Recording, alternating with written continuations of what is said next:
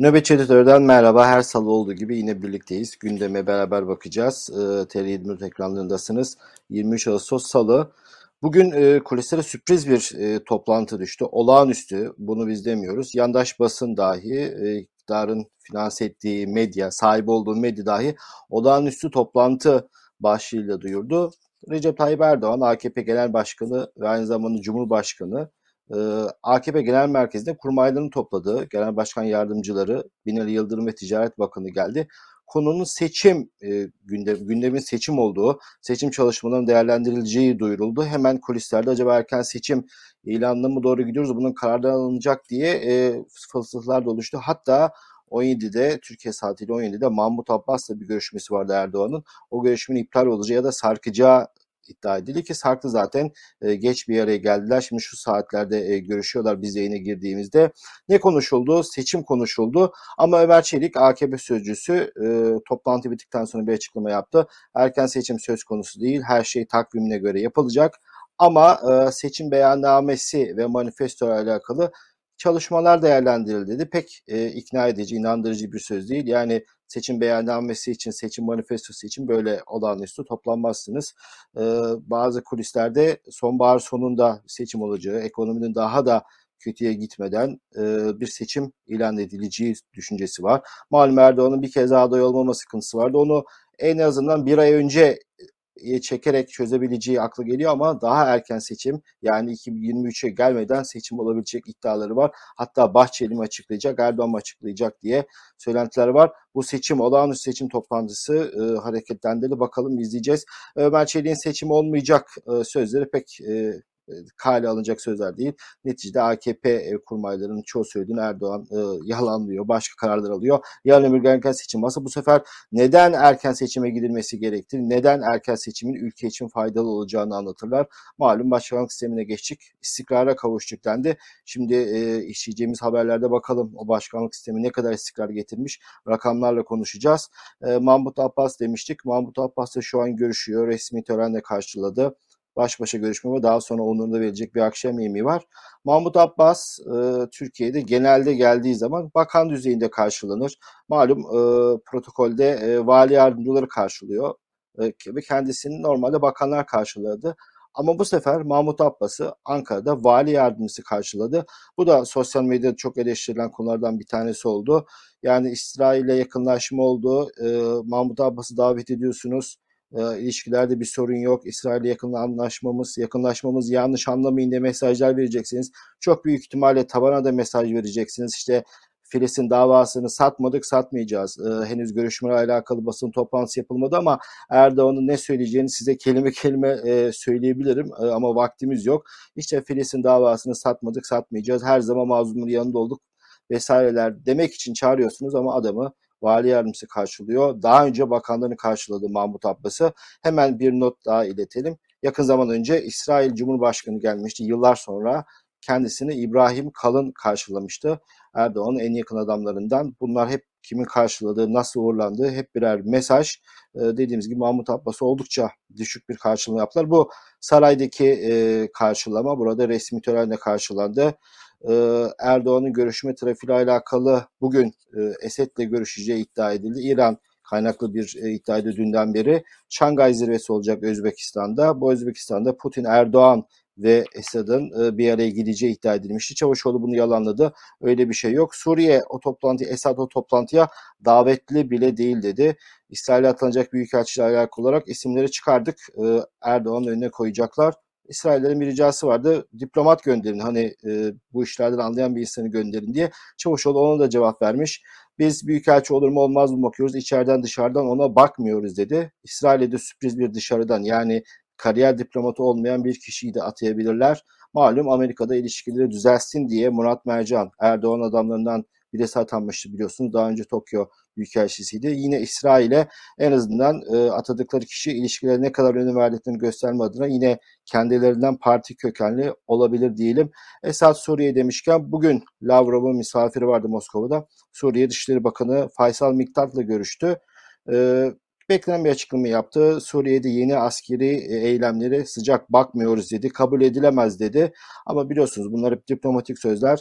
Türkiye e, Rusya'dan operasyon için izin istiyor. E, verilebilir çünkü Türkiye'ye mıntıka temizliği yaptırılma, Esed için orada Kürt güçlerini ortadan kaldırma ya da başka yerlere gönderme konusunda Türkiye'ye mıntıka temizliği yaptırabilirler. Mehmetçiğe Esed ve Rusya'nın lehine e, kullanabilirler. O yüzden hani hiçbir şekilde operasyon olmaz diyemeyiz. Rusya zaman zaman bu izinleri verdi. Yine e, Esed'in işine miktarda Türkiye'de de Erdoğan üstüne tepinebileceği, şehit cenazelerinin tabutlarına kolunu koyabileceği bir manzara için e, isim e, izin verilebilir. Lavrov Meşkan, Lavrov bugün Dugin'in kızıyla alakalı da konuştu. Bu işi yapanlara asla merhamet göstermeyeceğiz dedi. Bu arada bugün cenaze töreni oldu. Ee, Moskova düzenlenen bir törenle Alexander Dugin kızına e, son tören yapıldı. Dugin kızını şehit olarak tanımladı ve Rusya için öldü demecinde bulundu. Şu anda cenazeden görüntüleri görüyorsunuz. E, siyasetin diğer e, muhalefete geçelim. Kılıçdaroğlu e, biliyorsunuz meclis tatilde salı toplantılarını Kılıçdaroğlu e, Türkiye illerine yaydı.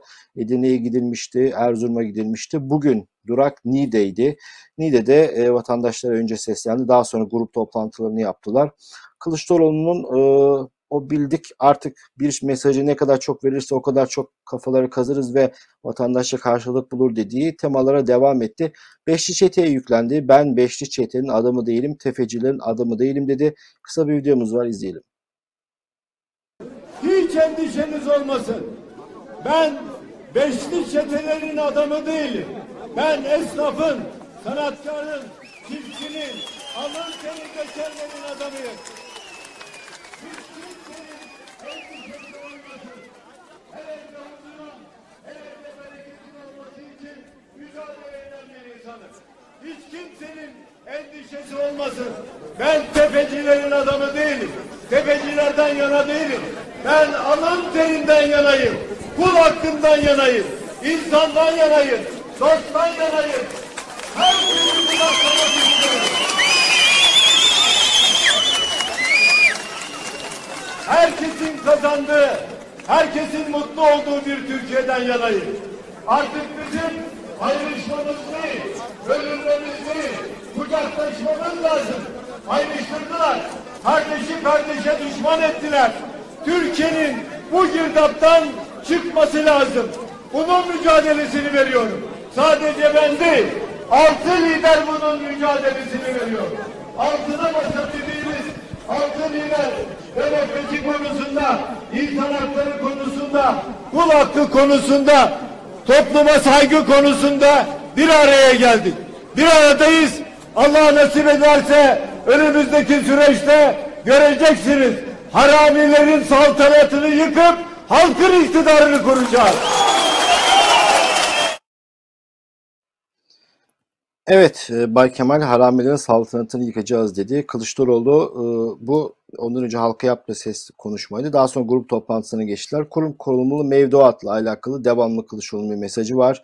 E, halkın parasını alıp parası zengin olana veriyorsunuz. Ben bunu kabul etmiyorum. Ben bu ödemeleri yapmayacağım diye ısrarlı bir mesajı var. Bugün en son gelinen zararı açıkladı. 60 milyar lirayı geçmiş kur kurulumu mevduatın Türkiye'ye yükü. Biliyorsunuz e, hükümet doların yükselmesini engellemek için dedi ki paranızı TL olarak bankaya koyun. E, yıl sonunda bakalım eğer dolar karşısında değer kaybınız varsa bunu ben size vereceğim demişti devlet. İşte o bunun yükü 60,5 milyara gelmiş. Kılıçdaroğlu bunu ısrarla her toplantıda vurguluyor. Kılıçdaroğlu bir örnek verdi. Özel bir yatınız var. Dolaşmaya, gezmeye gideceksiniz. Yani lüks bir e, olay. E, bununla alakalı mazotta ÖTV vermiyorsunuz ama çiftçisiniz tarlanıza gideceksiniz. Sizden ÖTV alıyorlar. Ben bu ÖTV'yi kaldıracağım demişti. Daha önce Cem Uzan'ın mazot 1 lira olacak vaadini hatırlarsanız e, bu mazot vaadi her zaman e, Türkiye'de bir karşılığı var. Özellikle çiftçiler için çok önemli bir e, durum. Kılıçdaroğlu da yine her gittiği yerlerde bunu vurguluyor.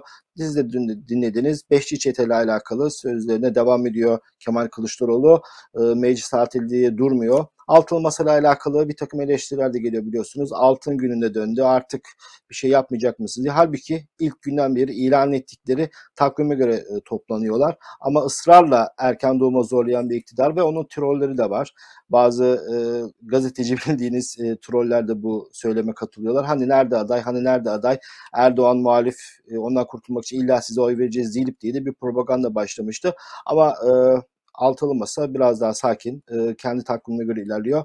Ama e, daha önce e, özellikle seçim uzmanlarının yapmış olduğu bazı uyarılar vardı ilan edilecek adayın bütün Türkiye'de yeterli propaganda imkanına sahip olması için erken açıklamakta da fayda olduğunu söylüyorlar. Bunu da hatırlatalım. Ee, CHP'lerin başka bir iddiası vardı. E, malum Suriyeliler oy kullanacak mı? Kaç tane oy kullanacak? Kaç tanesi vatandaşlar geçti? Bununla alakalı sağlıklı bilgiler yok. Maalesef. Şimdi Türkiye'deki Suriye hadisesinin birkaç boyutu var. Bir ırkçılık boyutu var.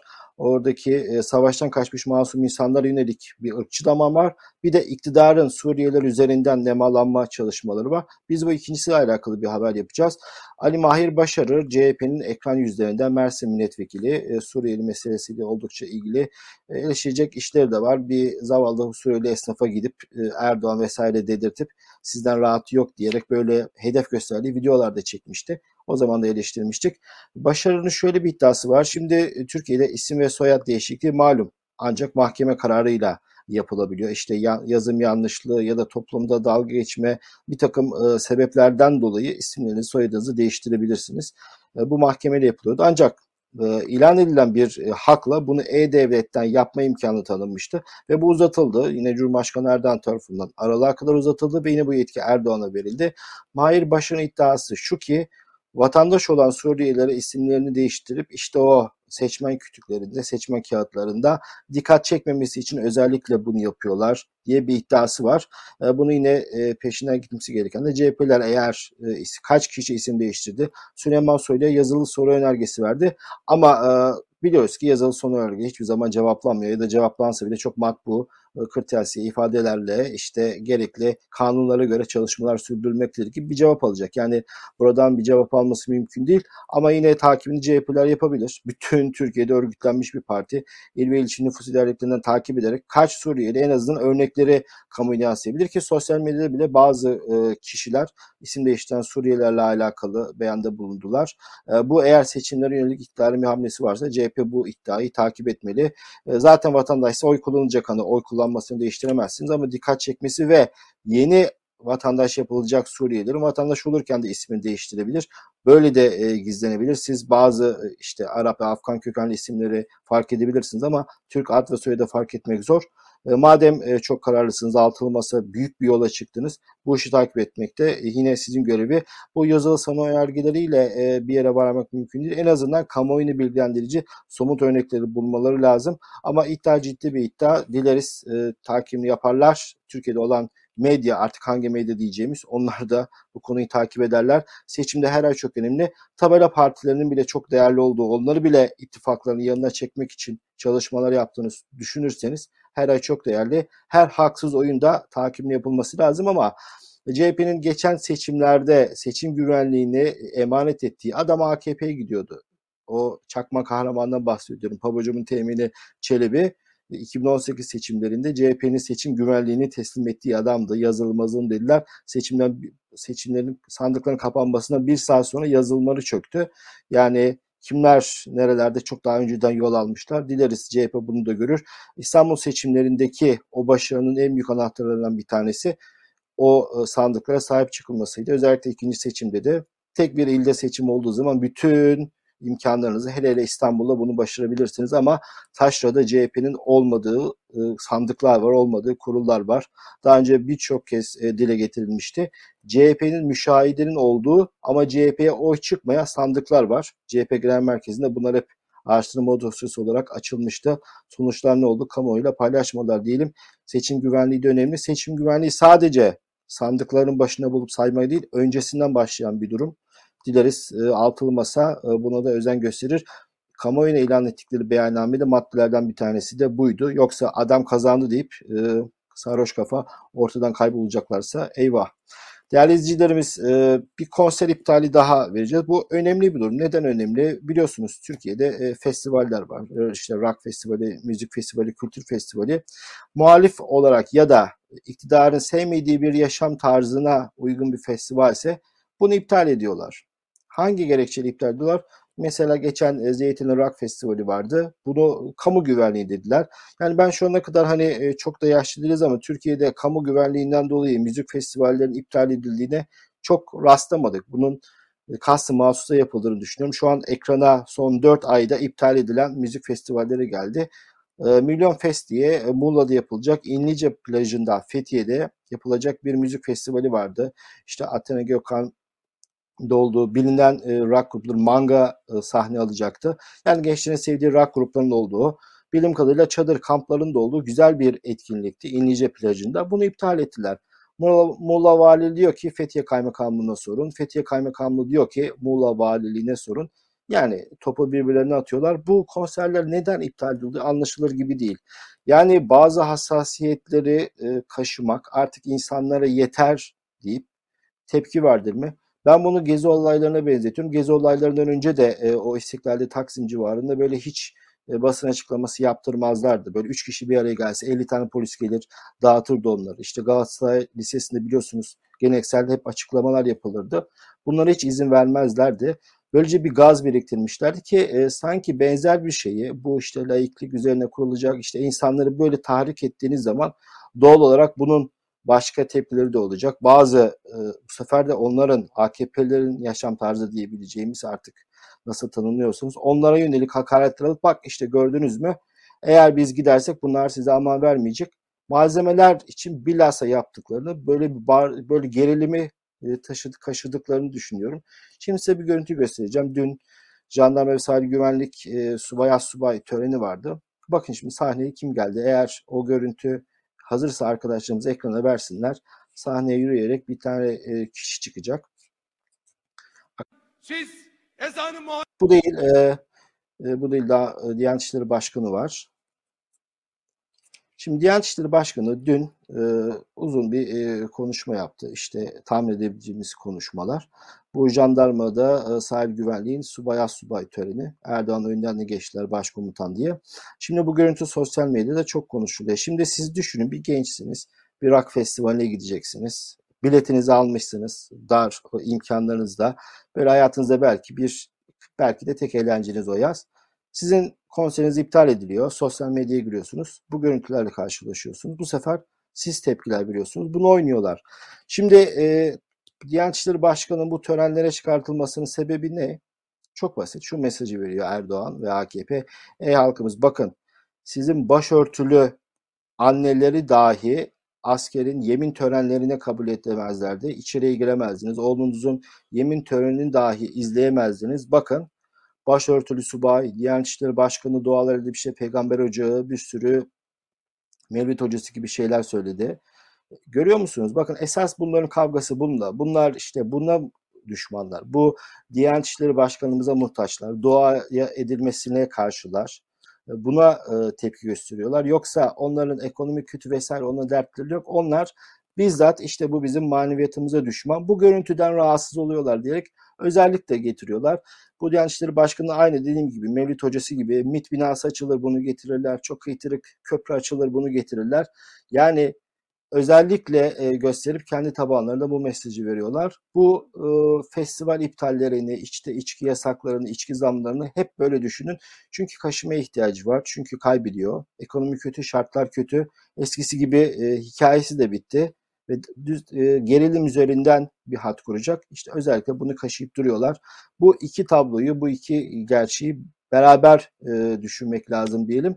E, ve Suç İşleri Bakanı'na gidelim. Kimi söylediğimi hemen anlıyorsunuz. Süleyman Soylu yine aynı törenden onun da bir konuşması vardı ama onun öncesinde biliyorsunuz Süleyman Soylu ile alakalı hep böyle yargılanacaksın açıklamaları var. Malum Sedat Peker'in ifşaları başladığından beri kamuoyu daha yakından Süleyman Soylu'nun ne kadar bir pislik olduğunu, nasıl böyle mafya ile iç içe olduğunu, ne kadar Türkiye'de suç işleyen çete örgüt varsa Süleyman Soylu ile beraber işbirliği yaptığını e, ortaya koymuştu.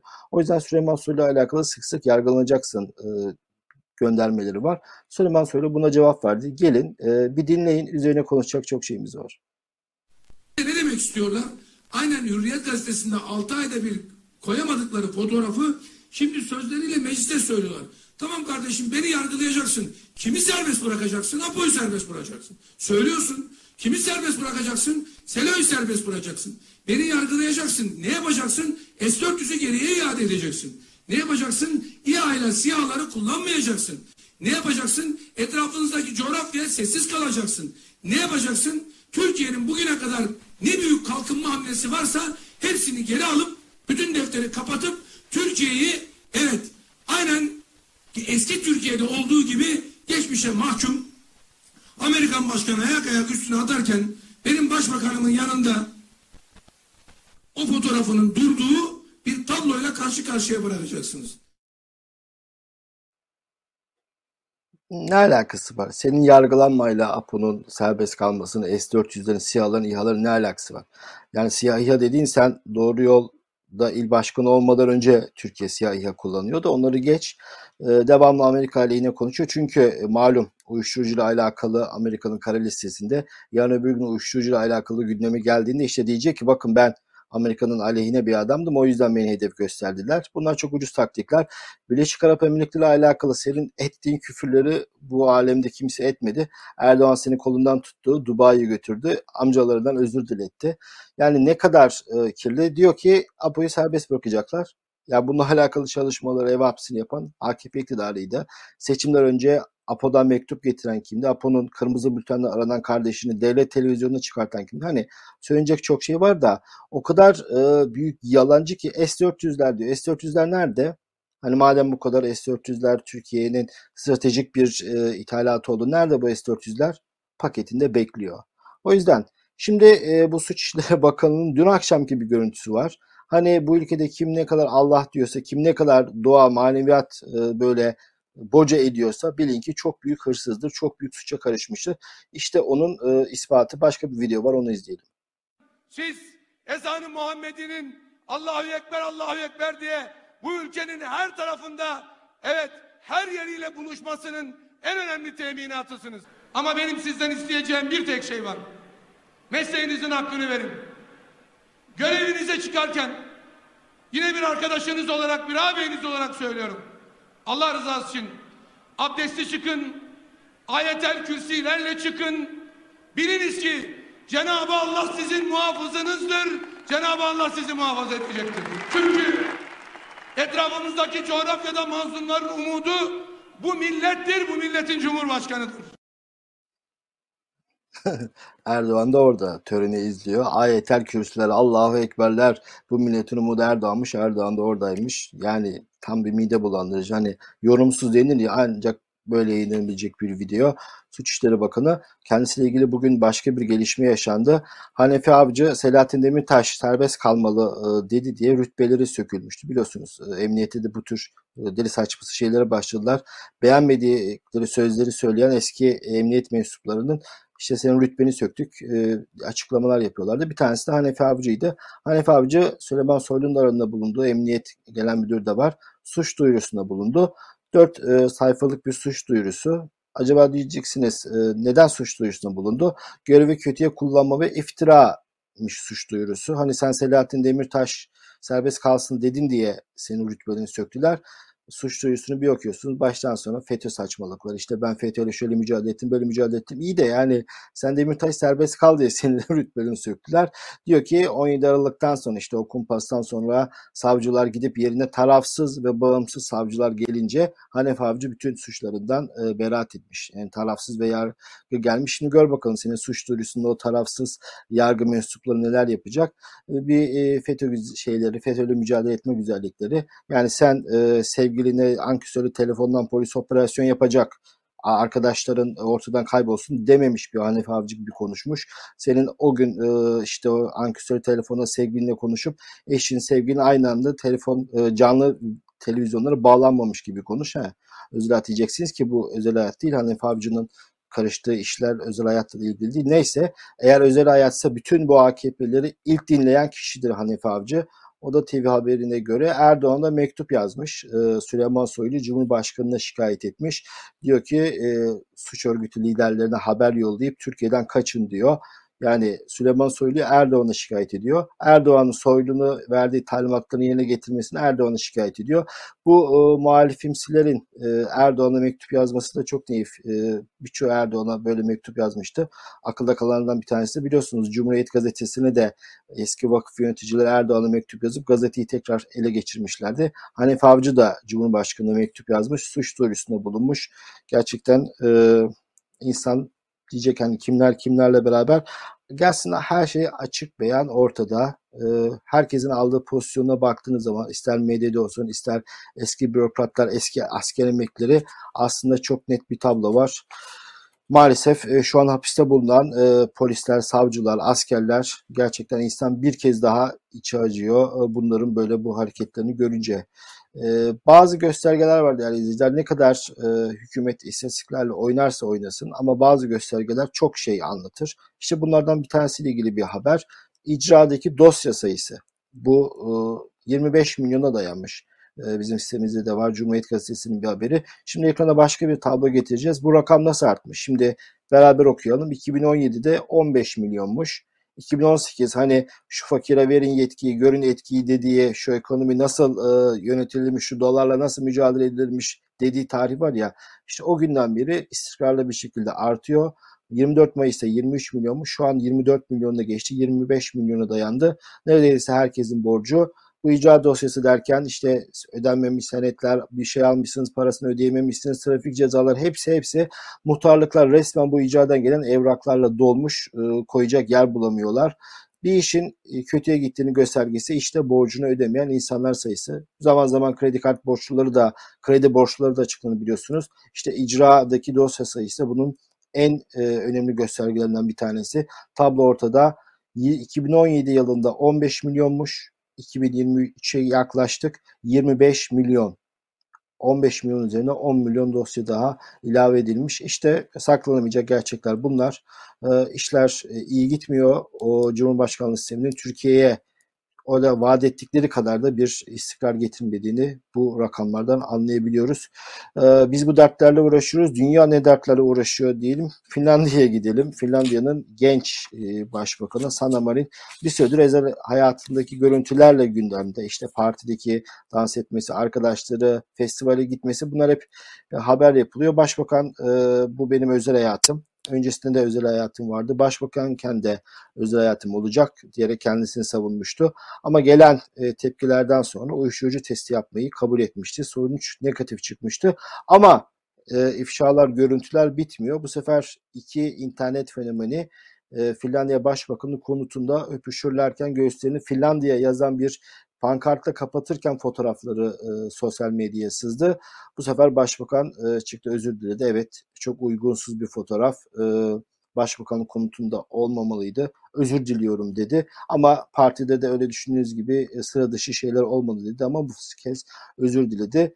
E, Finlandiya 5 milyon küçük bir ülke. Bütün İskandinavya'yı toplasanız bir e, İstanbul yapmıyor. Bu İskandinavya'da ben de İsveçliyim malum. Hayat bu kadar çok bizdeki gibi kasıntı geçmiyor. Siyasetçiler, politikacılar bizdeki gibi öyle çok e, fenomen insanlar değiller. Öyle yolda görüp etrafında insanlar sarmıyorlar. Metroda ya da yolda yürürken karşılaşabiliyorsunuz.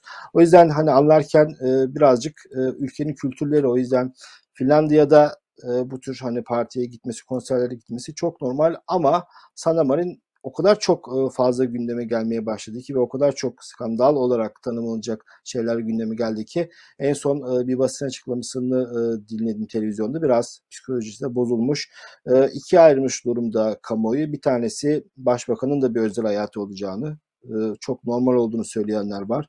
İkincisi ya bir başbakan biraz daha sorumlu davranmalı diyenler var. İşte başbakanın kadın olması, genç olmasından dolayı cinsiyetçi ayrıma gittiği, daha önce de başka dünya erkek liderlerin de benzer parti görüntüleri oldu ama onlara o kadar kimsenin üstüne gitmediği, işte özellikle kadın olduğu için yıpratıldığını iddia edenler de var. Ama görüyoruz ki e, e, ilk göreve geldiğindeki o karizma, o parlaklık birazcık e, dağılmaya başladı gibi. Ama Finlandiya için de e, fena bir PR olmuyor. Ta Kuzey Kutbu'ndaki bir ülke başbakanıyla devamlı gündemde. Bu tür e, ülkelerde kurumlar çok güçlü, güçlü, bürokrasi çok güçlü. Hani bakanlar, başbakanlar burada o kadar e, bizimdeki gibi düşündüğümüz gibi gerçi bizde tek adam var herkes her şeyi bir kişi söylüyor da diğer Avrupa ülkelerinden nazaran burada kurumlar çok güçlü yani işler bir şekilde ilerliyor. Ee, burada aylarca hükümet kurulması bile hiç yaprak kımıldamayı her şey olduğu gibi devam edebiliyor. Hani ya başbakan böylesi ülkeyi nasıl idare ediyor falan aklınıza gelmeyin. Zaten Sandamer'in yaptığı bir açıklamada hafta sonu bir e, toplantı yoktu. O yüzden parti verdi gibi bir açıklamada yapabiliyor. Evet, dünyanın böyle dertleri varken bizim bambaşka dertlerimiz var. İşte o dertlerden bir tanesi cezaevindeki hastalar, cezaevinde sağlık imkanlarına erişememe derken bir yıl dönümü geldi. Meslektaşımız Sevinç Özarslan'ın tweetinde görmüştüm. Burada hayatını kaybeden her e, kişiyi anmak, hatırasını yaşatmak lazım. Fatih Terzioğlu, Samanyolu Gazete Televizyonu'nda çalışmış bir genç bir yönetmendi. 21 ay tutuklu kaldığı Silivri'de mide kanseri olduğu ortaya çıktı. Hücresinde günlerce kusmasına, durumu kötüye gitmesine rağmen maalesef tedavi imkanlarına kavuşamadı. Tahliye olduktan sonra da artık çok geçti. Fatih Terzioğlu'nun bugün ölüm yıl dönümüymüş. Bu vesile bir kez daha cezaevinde hasta olan insanların bir an önce tahliyesiyle alakalı çağrıları yineleyelim. Hayatını kaybedenlere bir kez daha rahmet dileyelim. Bekir Bozdağ geçtiğimiz hafta bu cezaevindeki hastalarla alakalı daha insani bir yaklaşım içerisinde olmamız lazım dedi. Hayır kimse sizden insanlık beklemiyor. Yani sizden hiçbir şey beklemiyor. Sadece kanunların uygulanması dahi yeterli. Sadece mevcut kanunları, cari kanunları dahi uygulasınız. Bu insanlar e, razılar. Olması gereken de o zaten. Yoksa sizden insanlık falan bekleyen yok. Bir kez daha cezaevinde çok zor durumda olan ve sağlık imkanları erişmesine ihtiyaç olan insanları çağrımızı yenilemiş olup bugünkü bültenimizi de bitiriyoruz. İzlediğiniz için çok teşekkür ederiz. Ee, yarın Adem Yavuz Arslan sizlerle birlikte olacak. Ben de sabah Bülent Korucu'nun sabah programına konuk olacağım. Akşam sen sabah sen demezseniz bekleriz. Ee, görüşmek üzere. Hoşçakalın.